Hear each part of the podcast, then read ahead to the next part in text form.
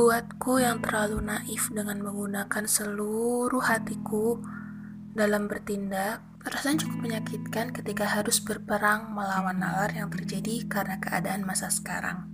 Sekelilingku selalu mengingatkan untuk bisa seimbang antara seluruh perasaanku dan akalku yang jangan sampai jongkok karena perkara yang sebenarnya akan sangat mudah diputuskan untuk orang-orang seimbang tentu tidak sepertiku.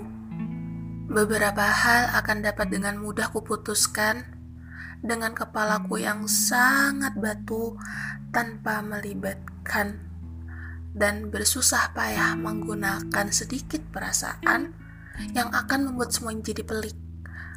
Ah, sepertinya memang aku yang menciptakan pelikku sendiri. Dasar si tukang drama. Dalam poin cancer si drama dan moody, untuk sebuah kebetulan, sepertinya ini menjadi imbuhan di nama tengahku. Kamu mau tahu gak sih apa bagian terindah memiliki nama tengah si drama dan Moody? Hmm, hujan, malam, sudut kota, dan semua hal bisa dengan mudah terangkai untuk menghidupkan satu cerita yang cukup menyesakan. Berkeliling kota dengan pelukan malam atau sebungkus nasi campur dengan sejuknya hujan, bahkan bau khas yang menempel setelah beberapa waktu bersama masih teringat dengan jelas. Iya, dengan aromanya saja mampu membuat seluruh badan ini diam. Dan dia di sini, batinku dalam hati.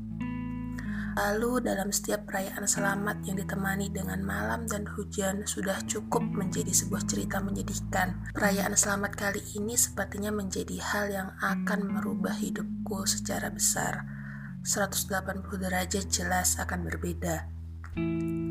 Ketika rasa sepi dialihkan dengan game atau marah yang diredam dengan tangis, semua jelas berubah, beda, tak lagi sama. Salahku memang tak pernah menyiapkan semuanya sejauh ini. Kamu sibuk melihat ke depan dan aku sibuk menjalani hariku saat ini. Memilih menikmati seada-adanya waktu dan ketika itu datang, aku terlalu egois untuk memintamu untuk tetap menjadi teman baikku. Menyebalkan bukan? Perayaan selamatku kali ini bersama dengan dua toples kue kering lebaran yang kubuat sendiri. Sengaja kusisihkan sedikit untukmu, tahu walik, dan batagor sebagai ganti nasi goreng yang ku mau malam itu. Kumpulan kata-kataku hilang tanpa jejak dengan senyum dan tatapannya yang teduh. Selamat ulang tahunku dan selamat ulang tahunnya akan jelas memiliki rasa yang berisi marah dan kecewa sebagai bumbunya. Tidak lagi ada perayaan menyelamati usia dengan beban yang bertambah atau kiriman ucapan selamat yang selalu aku tunggu setiap tahunnya.